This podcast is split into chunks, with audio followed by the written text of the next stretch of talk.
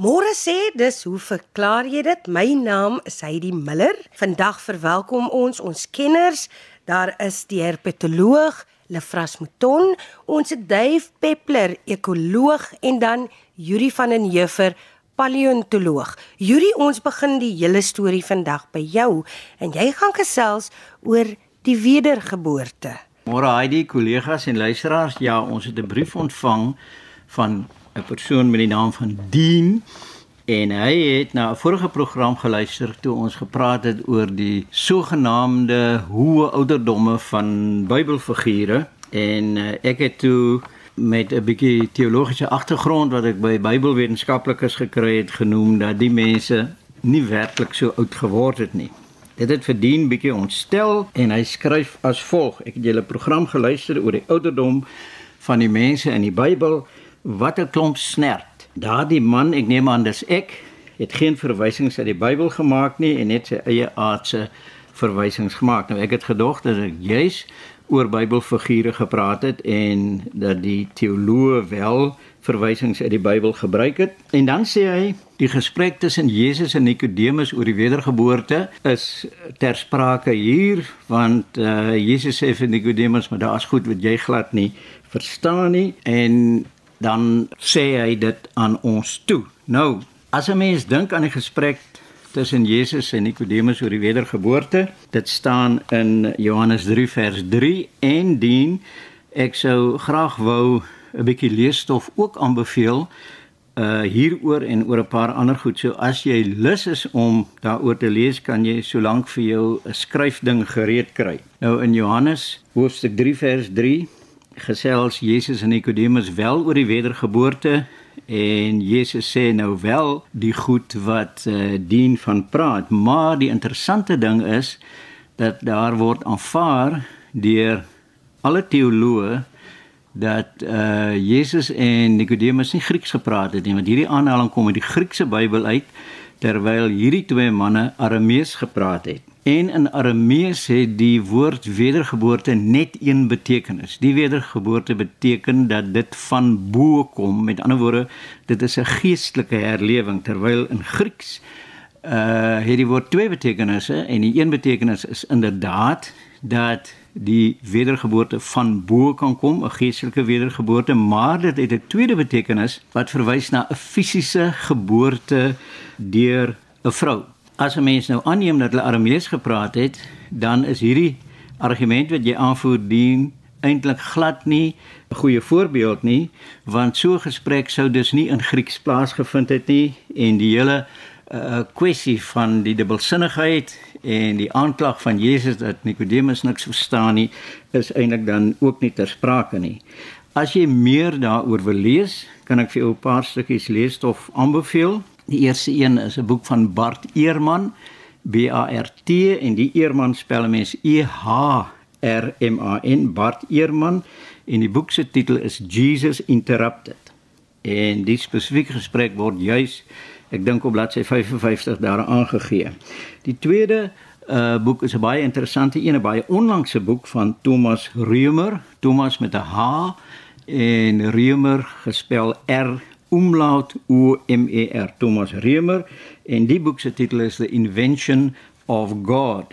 Derdens is daar die baie bekende boek van Sakkie Spangenberg, nie Spannen nie, maar Spangenberg uh met die titel Jesus die kan jy baie maklik hier in die hande kry. En vierdens 'n boek wat internasionaal bekend geraak het deur 'n Suid-Afrikaanse teoloog by name Andrius van Aarde En die boek handel spesifiek oor Jesus en sy doen en late. En die boek se titel is Fatherless in Galilee. As jy bietjie verder gelees het in Johannes 3 tot daar rondom vers 8, dan sien jy ook dat Jesus sê vir Nikodemus dat hy nie weet waar die wind vandaan kom nie, die wind waai waar hy wil en hy weet nie waar die wind heen gaan nie. So as 'n mens dit as 'n metafoor sien, dan is dit dus as 'n mens dit as 'n metafoor sien, uh dan is dit 'n gepaste ding om te sê. Maar as 'n mens en dit's blykbaar soos jy wil dit letterlik wil interpreteer, dan beteken dit dat Jesus eintlik baie onkundig is oor weeromstandighede want almal weet waar die wind vandaan kom en waarheen dit gaan.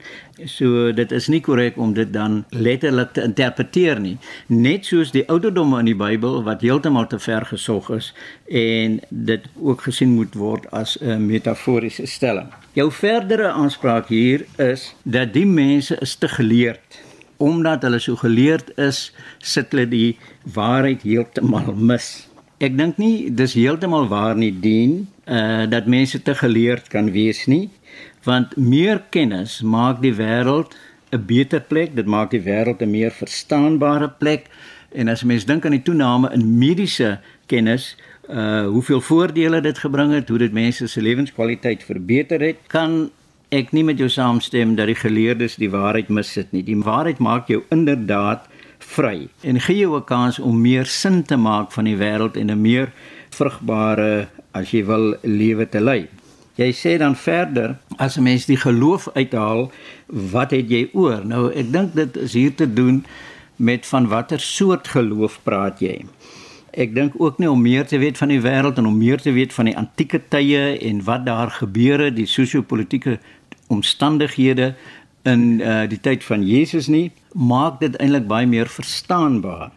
Om klakkeloos te glo is om amper soos in 'n gevangenis te wees want iemand anders sê vir jou heeltyd voor wat jy moet glo en wat jy nie kan glo nie. So jy dink nie vir jouself nie en om agter die kap van die byl te probeer kom is 'n manier om jou geloof eintlik werklik uit te leef. Dit is 'n geweldige bevrydende manier van lewe om werklik te weet wat aangegaan het in die ontstaan van ons heilige skrifte en die omstandighede daaromheen. Fernand Duist het altyd gesê uh, ten laaste dat as 'n mens klakkeloos glo en aandring op elke klein feitjie in die Bybel, dan bou jy eintlik 'n kaartehuis. Soos een van daai feite verkeerd bewys word, dan stort jou hele kaartehuis in een en jy's werklik ontredderd. As 'n mens egter agter die kap van die Bybel kom en weier kyk en verstaan hoe ons uh kulturele opsies en instellings ontstaan het met tyd dan het mense baie meer gematigde uh, posisie daaroor en in daardie sin kan dit dan werklik bevrydend wees. Jury sien dat ek nou onder dieselfde kam geskeur word as die uh, aardige wetenskaplikes wil ek net uh, in die ou kamp aanhaal wat altyd gesê het dat hoe meer jy lees, hoe meer verbindings kan jy maak van feite. Dat kennis dan 'n lewende netwerk word en in die lig van die wetenskap gesien dat slegte kennis of verkeerde kennis onmiddellik uitgehaal word en vervang word met letterlik die waarheid. Baie dankie aan Yuri van den Heever en nou gaan ons gesels met Dave Peppler. Dave, jou vraag is: Waarom is daar geen oorgange tussen ape en mense nie? Dag, hy nie in my kollegas en uh, luisteraars. Die brief is aan my gerig um, en ek is nie 'n goeie kandidaat om hieroor te praat nie. Ek gaan vir Juri vra om my by te staan. Die brief sê goeiemiddag meneer Peppler. Help my gou asseblief om te verstaan hoekom kry ons steeds die verskillende aapspesies en dan die mens, maar geen oorgangsspesies nie. Wat tussen die aap en die mens gekom het nie. Ek het al die sterkstuk van 'n verklaring op die radio gehoor, maar kan net nie onthou watter program en wanneer nie. Ek weet ook nie lekker hoe om dit op die internet te soek nie. Groete van Adrian Smits. Onder andere het hy 'n interessante foto uh, geheg van links 'n uh sjimpansee wat lyk soos die een wat Michael Jackson gehad het dan 'n groep vreemde figure in die middel wat so studente lyk en dan heel regs 'n uh, held uit Game of Thrones, 'n regop man met 'n baard. Dan is daar opskrifte, daar is miljoene uh, met 'n pelkie miljoene sjimpansees en miljoene mense en dan 'n vraagteken, waar is die miljoene van hierdie vreemde goed wat so studente lyk? Nou spesiering Ons praat hier van spesiering is 'n proses, 'n evolusionêre proses waar die bevolkingsoorsprong gee aan spesies. 'n Groot bevolking gee oorsprong aan spesies.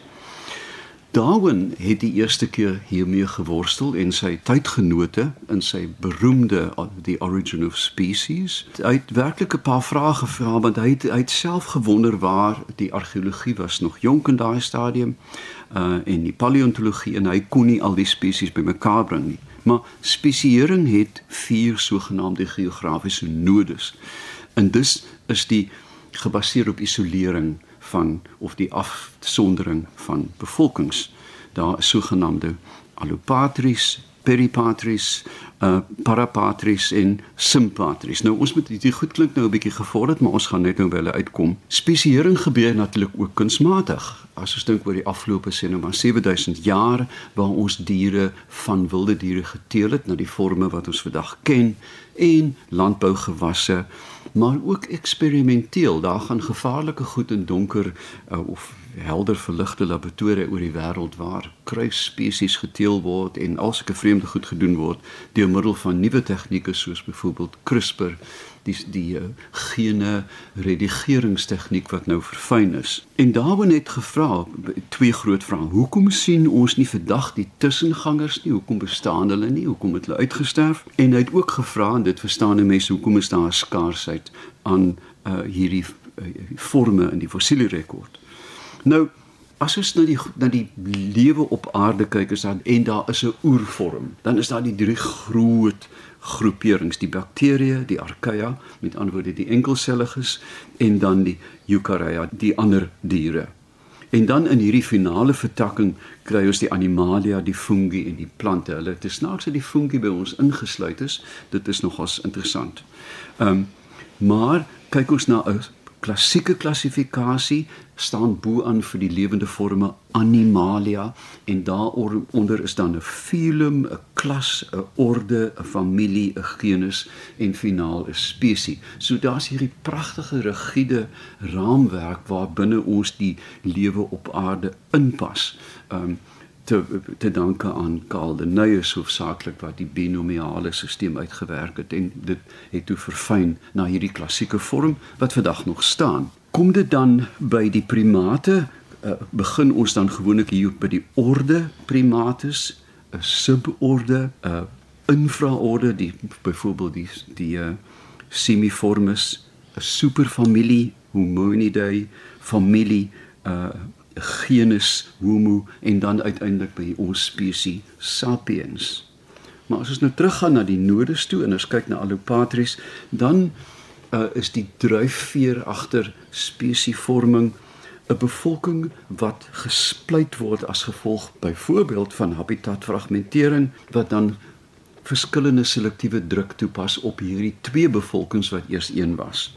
Daar het ons 'n pragtige voorbeeld van Darwin se vinke in die Galapagos waar hierdie klein eilande bevolk is en die selektiewe druk is verskillend op hulle en daarom het ons hierdie pragtige bykans 'n reënboog van vink uh van 'n daar was 'n oer uh bevolker, vader van die of en 'n moeder natuurlik, maar nou is daar 'n stuk of 20 as ek dit reg het, juries subspesies of selfs spesies. Die Ripatris is 'n kleiner aangrensende bevolkings uh, wat dan deur selektiewe habitat druk, hulle het heel moontlik beweeg. Hier kyk ons byvoorbeeld na die bontebok en die blesbok wat bitter na verwant is aan mekaar, maar nou eintlik gespesieer het, hulle het, het geskei, lyk baie na mekaar. Ons kyk uh, na uh, Parapatris gedeeltelike skeiding van bevolkings as gevolg van 'n split binne die die geografiese gebied en Sympatris vorming van afstamspesies wat 'n enkelstigter spesies in dieselfde geografiese gebied het.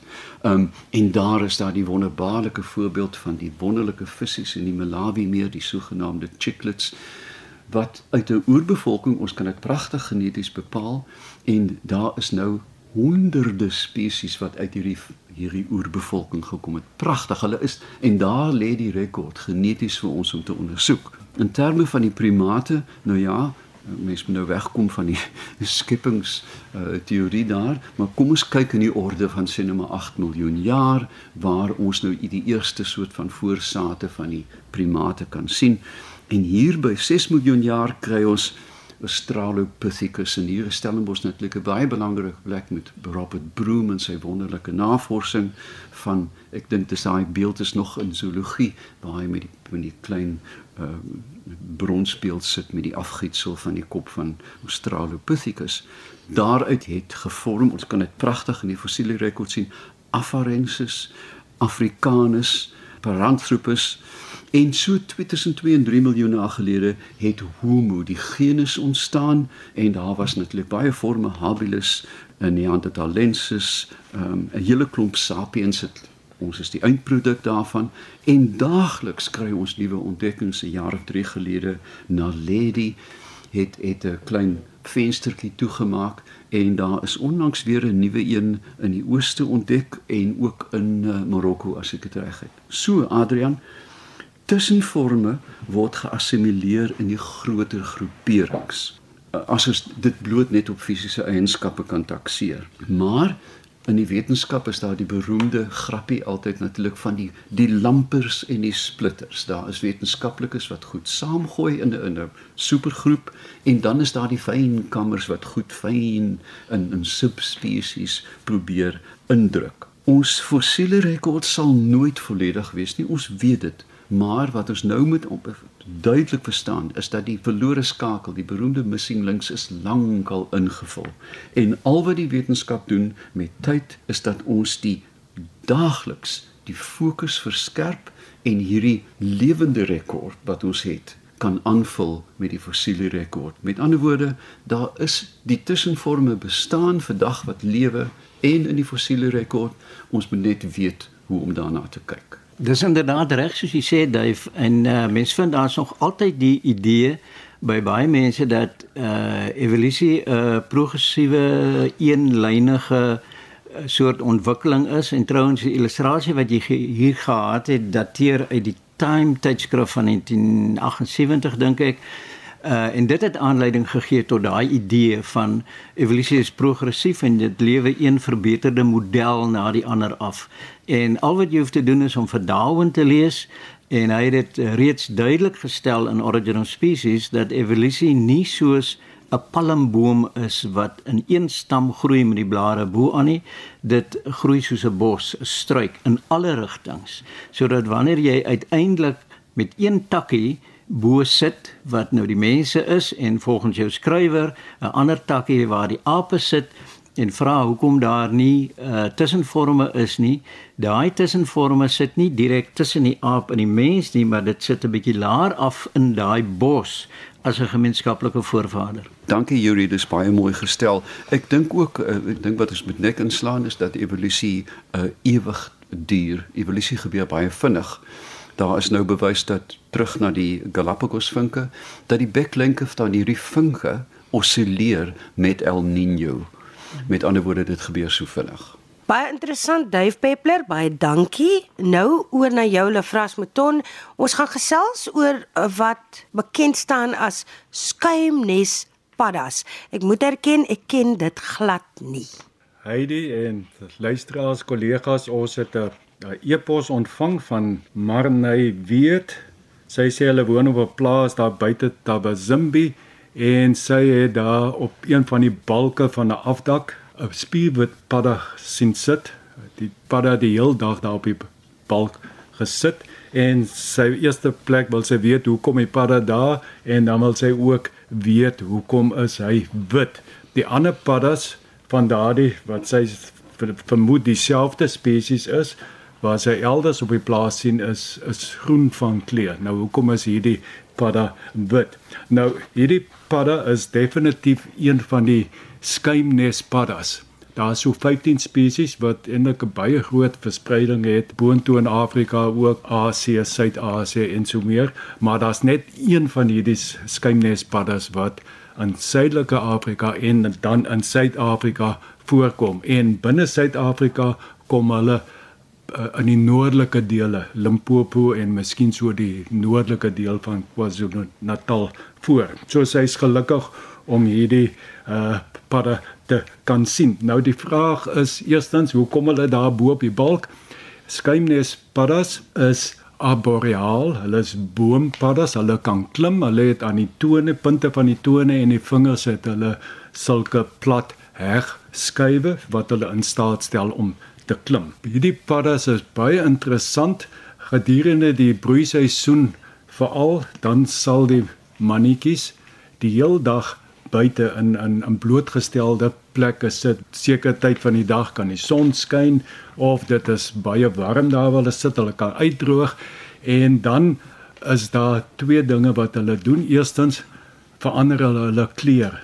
Nou hoe ligter hulle is, hoe meer hitte en lig kan hulle weerkaats. Dan word hulle nie so warm nie, veral as hulle in die son sit. Dit is hoekom hulle wit is. En dan die, die tweede ding is en dit wys ook so op die foto wat sy saamgestuur het, hulle vou die ledemate uh onder die lyf in en dit verhoed dat daar verdere verlies van water is. As dit baie warm word, dan Yuri ek, ek het gedink is net soogdiere wat kan sweet, maar hulle skei klein waterdruppeltjies op die vel af wat dan verdamp net so sweet en dit help hulle ook om af te koel.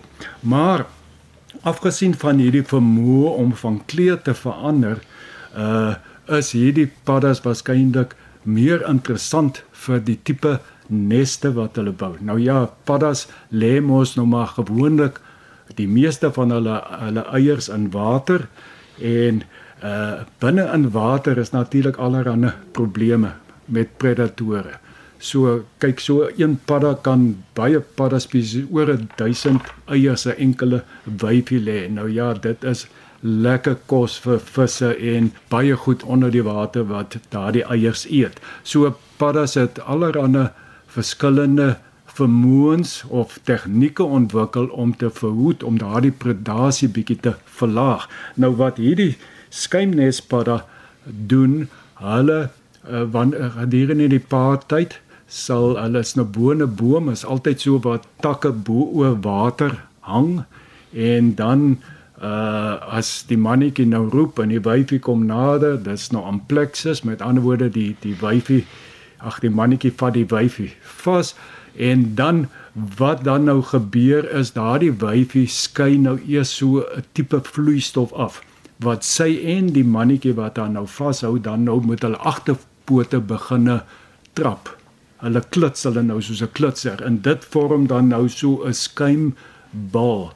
En baie keer kom maar nog sommer 'n paar ander mannetjies by wat ook probeer om te paar en hulle help ook trap. En partykeer as daar baie paddas in die omgewing is, dan kan tot 20 wyfies so saam daar in 'n klein plekkie sit en met tot 50 mannetjies en die wyfies skei hierdie vloeistof op en almal trap vir die valles en dan op 'n punt begin die wyfie dan nou haar eiers te lê in hierdie skuimbal wat nou hang bo die water.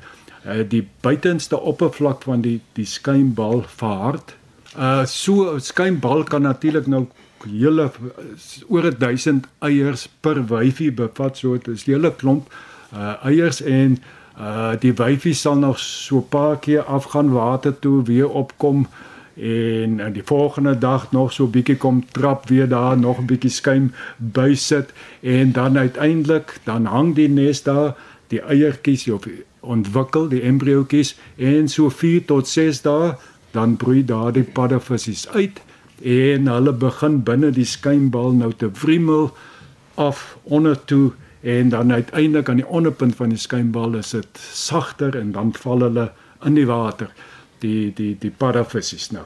En dan die paddavissies ten minste hulle hulle kan swem en hulle hulle kan predatore op 'n manier ontsnap. So dit is eintlik 'n 'n wonderlike manier om die predasie bietjie te verlaag.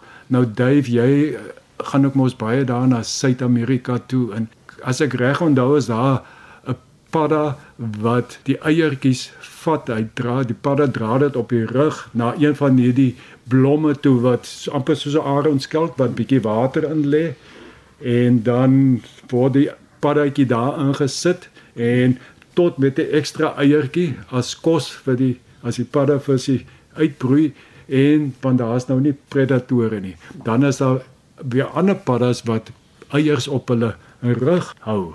Hulle die eiers word in die water gelê nie. Die paddavisse broei op die die ma of is dit nou die pa padda se rug uit onder die vel. Baie interessante tegnieke. Jy is doodreg, Lefras, dis 'n hulle hulle lê die eiers in 'n bromelia, 'n epifiet wat verwant is aan die pineappel. Dit is hy en dan is daar natuurlik hier, wel, seker groot dele van die land kom die die uh, melkpaddatjies of die reënpaddas voor. Nou hulle uh, het nou kortpad gevat en hulle daardie paddevis stadium uitgesny. Hulle lê nie die eiers in die water nie, hulle lê dit in klam grond, enkele eiertjies en dan is die ontwikkeling wat ons noem direk die klein paddetjies wat uitbroei nie. Daar's nie daardie paddevis tussen stadium nie. So maar nee, ek dink dit is 'n voorreg om hierdie padde te kan sien nie. Ek het dit nog nooit gesien nie en ja, so so skuimnes, sy moet nou bietjie rond kyk daar of sy van hierdie skuimneste sien bo die wat bo, uit takke bo die water hang. Ek sê dankie aan ons. Hoe verklaar jy dit span? Yuri van den Heever, Dave Peppler en Lefras Mouton wat sopas gesels het. Jy kan ook deelneem. Jy kan vir ons skryf by Hoe verklaar jy dit? Posbus 2551, Dis Kaapstad 8000 of stuur 'n e-pos H A I D E E by rsg.co.za. Geniet die res van jou dag.